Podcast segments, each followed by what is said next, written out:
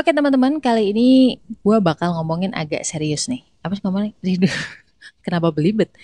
Jadi untuk episode kali ini gue akan ngomong dengan topik yang agak serius dan dengan nada yang agak serius gitu ya.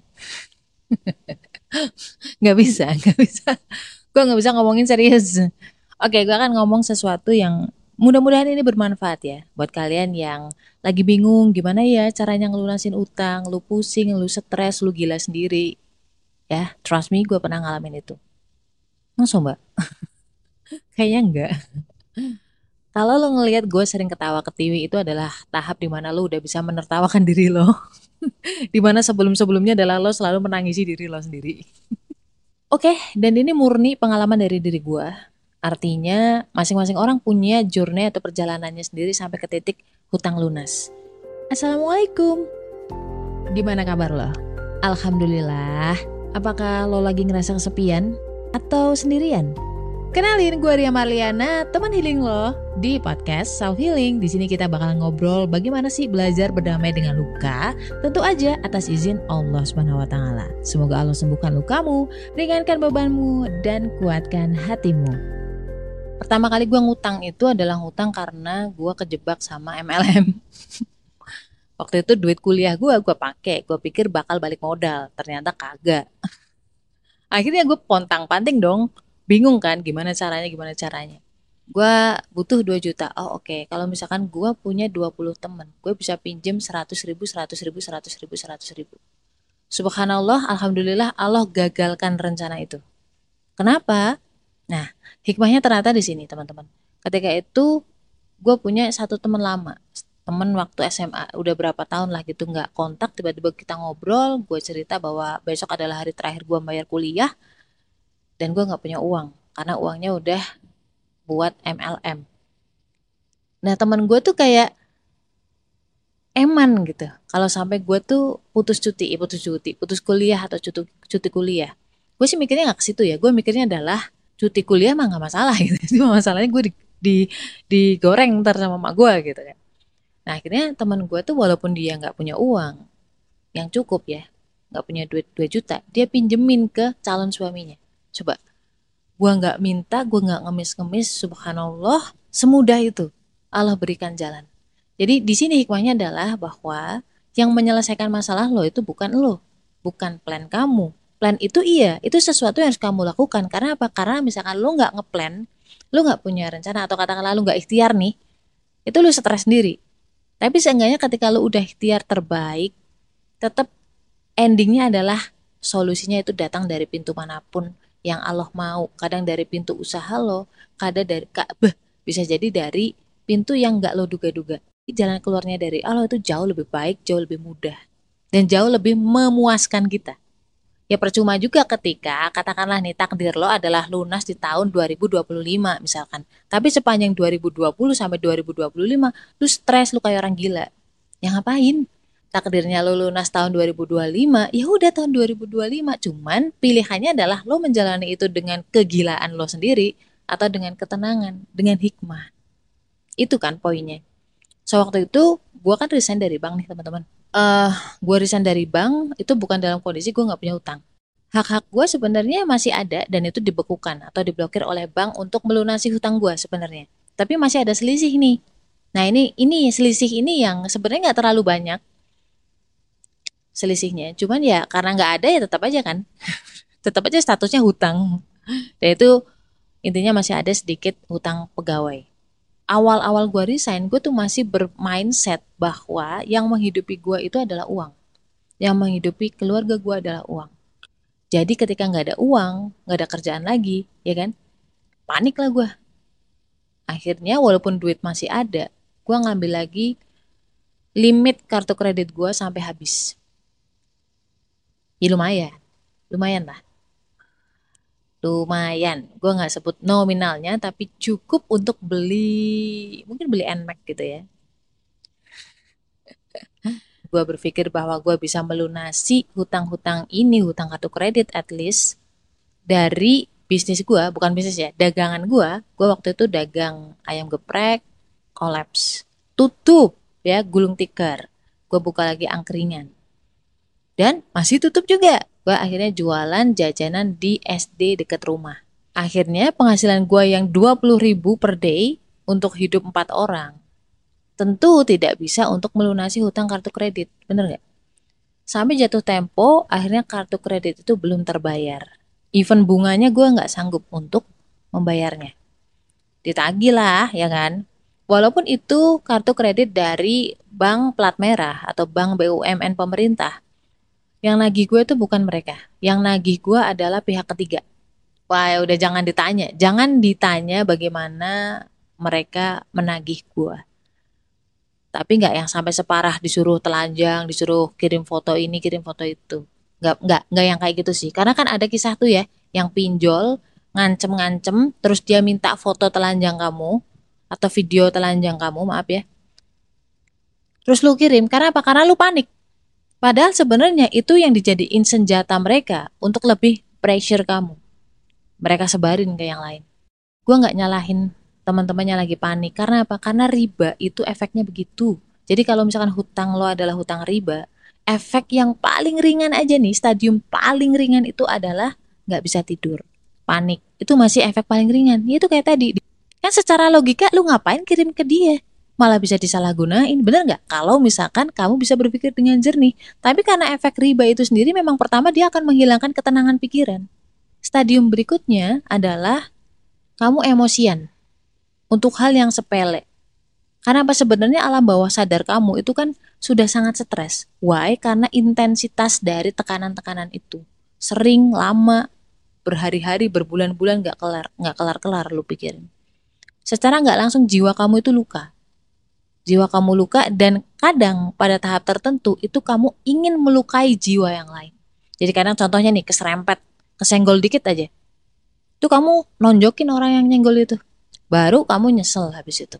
Kan banyak kejadian ya di mana masalahnya tuh sepele banget sebenarnya tapi sampai si orang ini ngebunuh orang lain hanya gara-gara masalah sepele misalkan kayak nggak kebagian beras atau hanya gara-gara dikentutin ada cuy ada ada yang gara-gara anaknya nangis terus nih. Terus akhirnya dia bunuh anaknya. Dan stres yang berulang-ulang yang sampai ke alam jiwa itu salah satunya nih salah satunya salah satu penyebabnya adalah dari riba. Kalau orang merhatiin gitu ya. Dan yang paling parah stadium paling parah adalah ketika lo ngejahatin orang lo dolim sama orang tapi lo nggak merasa bahwa lo ngedolimin orang, lo nggak merasa bersalah, justru malah lo bangga, lo pamerin itu. Gue dulu pernah ketika kerja uh, di bank sebelum gue resign, gue kan ditugaskan di uh, penagihan. Gue handle salah satu customer dia, aduh ya Allah, dia udah ketipu, udah udah rugi lah ibaratnya kita juga masih harus tetap nagih.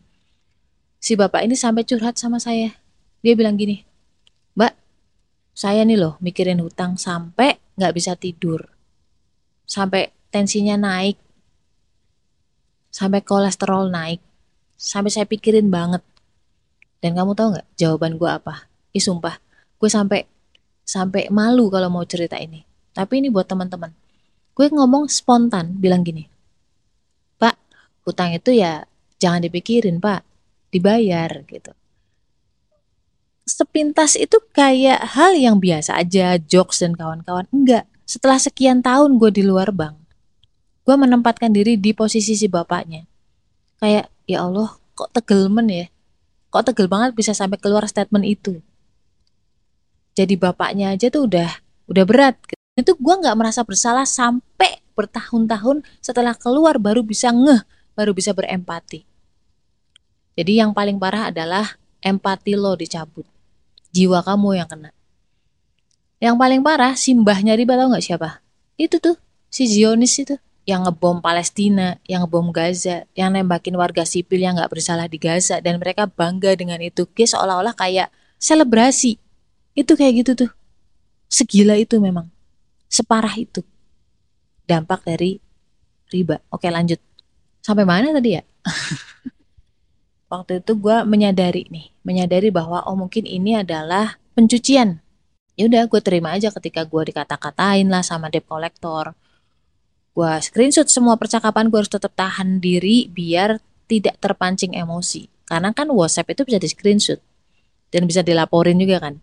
Pokoknya selama dia belum ngumpat-ngumpat, gue masih ladenin ini pak masih usaha untuk uh, menjual aset ini kita masih usaha pak untuk mencari pekerjaan bla bla bla bla masih ngata-ngatain sampai di titik tertentu gue blok tapi sebelum gue blok gue screenshot dulu kata-kata kasarnya mereka karena someday mungkin itu bisa jadi senjata gue nah ini poin paling pentingnya ketika gue udah merasa kayak desperado banget bahwa ya Allah udah berat banget ya Allah penghasilan saya sekarang cuma 20 ribu per hari, gimana caranya ngelunasin hutang yang segede ini gitu. Gak masuk akal, saya butuh berapa tahun untuk sampai melunasi ini semua. Waktu itu gue mikirnya begitu.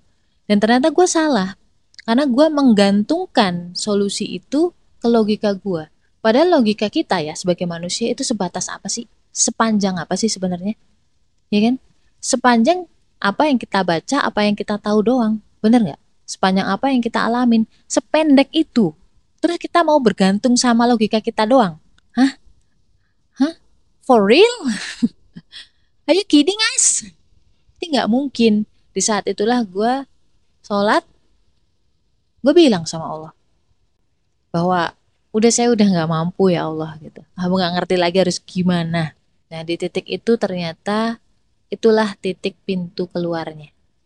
Kok bisa gue lupa tepatnya kajiannya siapa tapi endingnya adalah gue tahu dan gue gua meyakini bahwa yang melunasi hutang itu bukan saya lunas hutang itu karena Allah menentukan hutang lo lunas mau dari cara mana pun jadi di saat itu gue istighfar ya kan? Karena gue sombong gue merasa gue lah yang melunasi hutang. Waktu itu lalu gue serahkan itu semua ke Allah dan gue lakuin apa yang bisa gue lakuin yang sesuai dengan syariat Allah. Karena kan ada tawaran-tawaran lain tuh kayak uh, tawaran pinjaman lain gitu ya. Tapi alhamdulillah Allah selamatkan saya. Jadi gue nggak mau buka pintu riba lagi itu kayak semacam bunuh diri. Karena gue bilang kan gue tahu dapur-dapurnya perbankan. Ketika lo buka hutang lagi itu malah lo ruginya berlipat-lipat. Jadi di situ gue kencengin lagi sholat tahajudnya gue kencengin lagi sholat hajat waktu itu. Istighfar sholawat semua yang bisa gue lakuin gue lakuin. Even gue waktu itu pengen sedekah gue nggak punya uang. Gue share di WhatsApp status gue. Siapa yang mau patungan untuk uh, donasi mukena ke musola deket rumah gue saking gue pengen sedekah dan gue nggak punya uang untuk sedekah Sampai pada titik gue berdoa, ya Allah, tolong berilah hamba pekerjaan dengan gaji yang lebih tinggi dari kemarin agar hamba bisa melunasi hutang. Dan Allah kabulkan, Allah berikan gue kerjaan yang gajinya lebih tinggi dibanding yang kemarin, yang dari bank.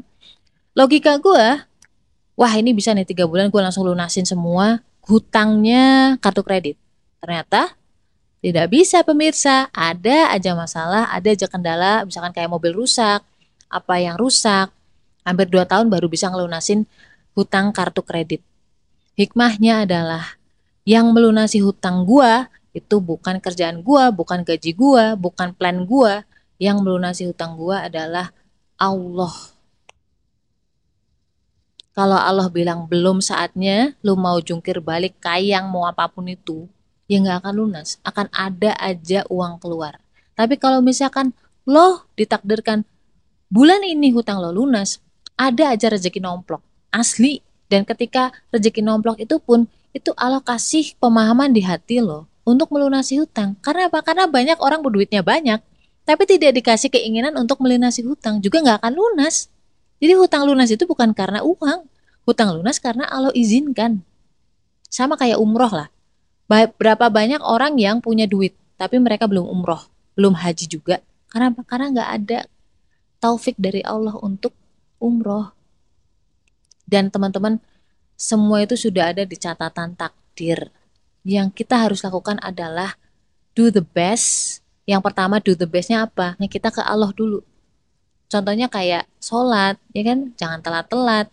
Jangan sampai gara-gara lu pengen ngelunasin hutang, lu korbanin sholat lo, lu korbanin tahajud lo, lu korbanin baca Quran lo. Itu berarti salah. Salah kaprah. Ya, baca atolak ayat 2 sampai ayat 3, bagus lagi sampai ayat 4. Insya Allah tuh di situ tuh dimudahin. Tenang aja. Kalau memang belum sanggup ya udah bilang belum sanggup. Lu mau apa? Kalau misalkan nggak ada uang, lu mau lu mau tekan-tekan kepala lo, lu mau jedot-jedotin kepala lo, nggak akan lunas juga. Kalau memang Allah belum berkehendak. Kenapa sampai Allah masih menunda pelunasan itu? Pertama, di catatan takdir belum saatnya kamu lunas. Yang kedua, Allah pasti punya maksud biar lo belajar. Belajar apa? Tauhid. Segala sesuatu itu terjadi dan tidak terjadi itu karena Allah yang atur. Dan pengaturan Allah dengan ilmunya Allah yang menguasai alam semesta itu pasti lebih baik dibanding pengaturan lo. Itu aja. Kadang-kadang karena kita masih sombong, karena kita masih merasa bahwa kita lebih tahu dibanding Allah, kita merasa bahwa skenario kita pasti jauh lebih baik dibanding Allah. Itu yang bikin kita stres. Yang udah terlanjur kena riba ya udah, udah, Allah udah maafin. Asalkan lu nggak membuka hutang riba baru, udah. Allah maafin lo. Asli, kalau misalkan Allah nggak maafin kamu, lu nggak akan dikasih hidayah untuk sholat. Lu nggak akan dikasih kekhawatiran ini biar kamu tuh berdoa lu nggak akan dikasih kekhawatiran ini biar kamu tuh ngeklik podcast gue. Bener deh. Lu baik banget Allah sama lu. Yang lu harus lakuin adalah satu deketin Allah. Dah titik. So mudah-mudahan Allah berikan kemampuan kita untuk melunasi hutang dan kemampuan kita untuk mendekati Allah agar kita selalu tenang dalam proses itu. Pasti ada hikmahnya. Pasti ada pembelajarannya dan pasti sampai kok. Selama niatan kita itu melunasi hutang ada, itu pasti Allah sampaikan ke situ. Yang dihukum itu kalau misalkan lo hutang dan lo sengaja nih nggak ada niatan untuk kembaliin, itu yang akan jadi perkara di akhirat nanti. So, la haula wala quwata illa billah. Stay love and assalamualaikum warahmatullahi wabarakatuh.